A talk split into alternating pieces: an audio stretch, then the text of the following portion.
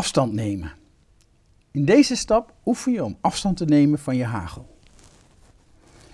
Zoals je hebt gemerkt is een deel van je hagel, gedachten en gevoelens, soms erg lastig om mee om te gaan. Door er meer afstand van te nemen, krijg je ruimte om zelf je gedrag te bepalen.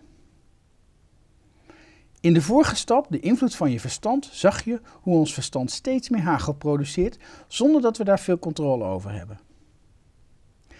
En je zag dat schuilen voor of doortrappen door de hagel misschien in het begin wel goed voelt, maar op de lange termijn alleen maar negatieve gevolgen heeft. Bekijk de onderstaande video. In de video zag je hoe Minnie verzeild raakt in een heftige worsteling met zichzelf. Die worsteling ontstond juist omdat ze zich niet wilde laten overheersen door haar gedachten en gevoelens. Haar leven voelde aan alsof het was gekaapt.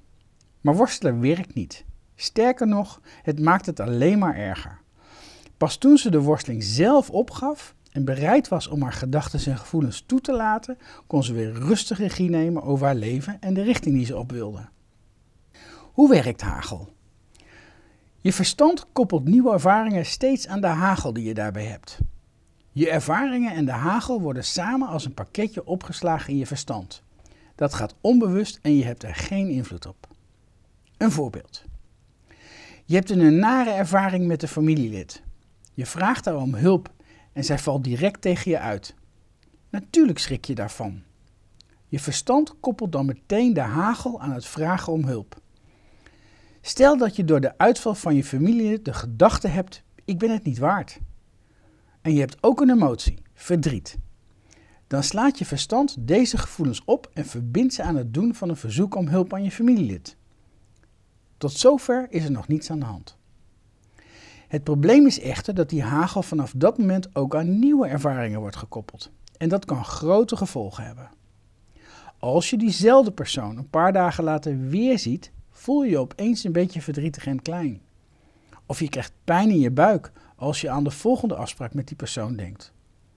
Of als je aan iemand anders een heel ander voorstel doet, heb je vooraf de gedachte: dat gaat me toch weer niet lukken. De hagel bij die ene nare ervaring met je familielid heb je nu ook bij nieuwe vergelijkbare ervaringen. In de stap betekenis geven heb je de video Symmetry bekeken. Je zag dat je hoofd niets anders kan dan de twee beelden aan elkaar verbinden. En zo werkt het ook met je hagel. In plaats van één keer een vervelend gevoel te hebben, krijg je een vaste manier van denken.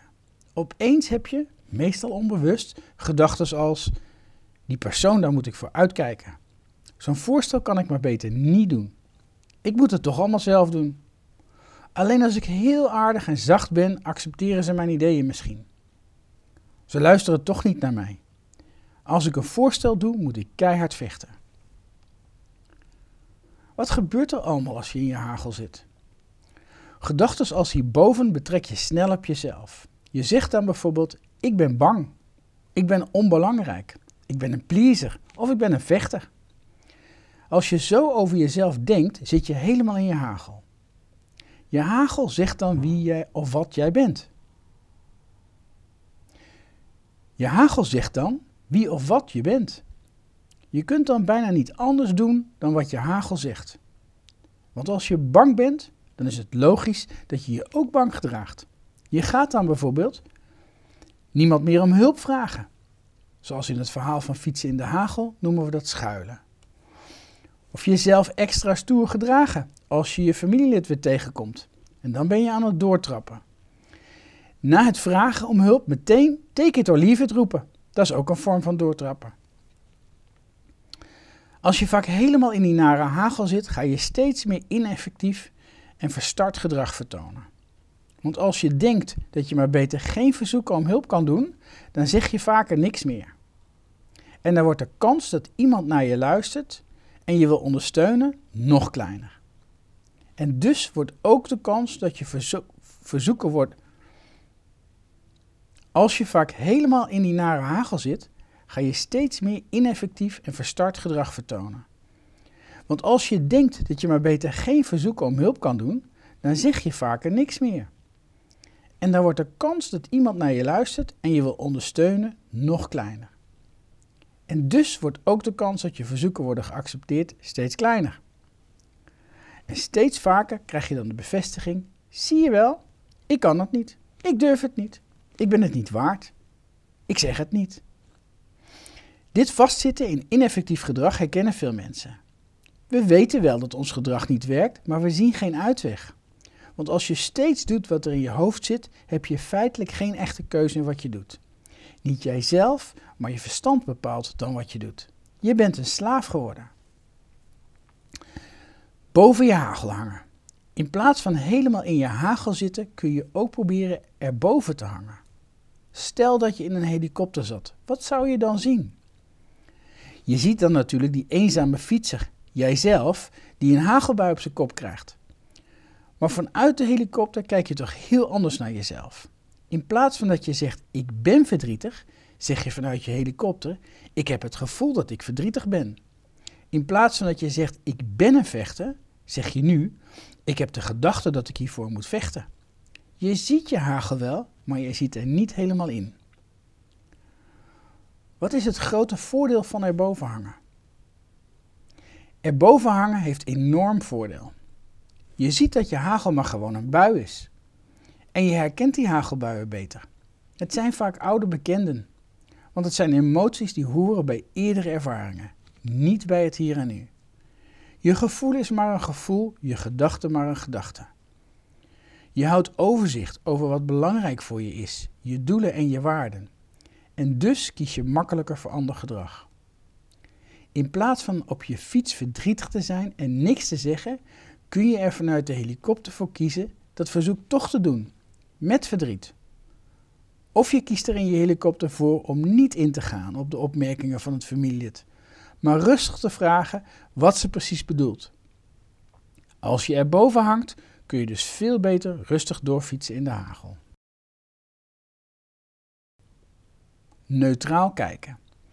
Eigenlijk betekent erboven hangen dat je naar je eigen gedachten kijkt zonder te zeggen of ze goed of slecht zijn. Een beetje zoals een wetenschapper naar de natuur kijkt. Neutraal. Je hoeft er niet op te reageren. Je hagel zal er altijd zijn. Als je er boven hangt, zie je je hagel voor wat het is. Een soort natuurverschijnsel in je hoofd waar je geen enkele invloed op hebt. En als je probeert de hagel te verminderen, komen er alleen maar meer hagelstenen. Met erboven hangen kun je je hagel, dus die ongemakkelijke gedachten en gevoelens, toelaten en accepteren. En je zorgt ervoor dat je jouw waarheid minder serieus neemt, minder letterlijk. Dan krijg je ruimte om te kiezen: wil ik eigenlijk wel reageren op mijn hagel? En zo ja, hoe dan? Je wordt dus vrijer in je gedrag. Maar let op, natuurlijk gaat je hagel niet weg als je erboven hangt. Je hagelstenen doen nog steeds evenveel pijn. Je zit in de helikopter, maar je zit ook nog steeds op de fiets. Angst is nog steeds angst. Onzekerheid, strijdlust en boosheid zijn nog steeds wat ze zijn. Het verschil zit niet in je binnenwereld, maar in je gedrag in de buitenwereld. In je gedrag ben je vrijer en flexibeler. Eigenlijk ben je als je in je helikopter zit een vrij mens geworden. Je bent niet langer een slaaf van je hagel. Je doet niet meer automatisch wat je altijd hebt gedaan. Je hebt keus. Je mag zelf bepalen wat je doet. Je kunt je hagel ook toelaten, echt voelen. Dus precies die onaangename gevoelens ervaren waar je verstand je voor probeert te beschermen. Je angst, je onzekerheid, je strijdlust, je boosheid. En met dat gevoel toch doen wat je belangrijk vindt. Bijvoorbeeld om hulp vragen. Zo doe je nieuwe ervaring op. In de video De Sushi Trein zie je een voorbeeld van erboven hangen.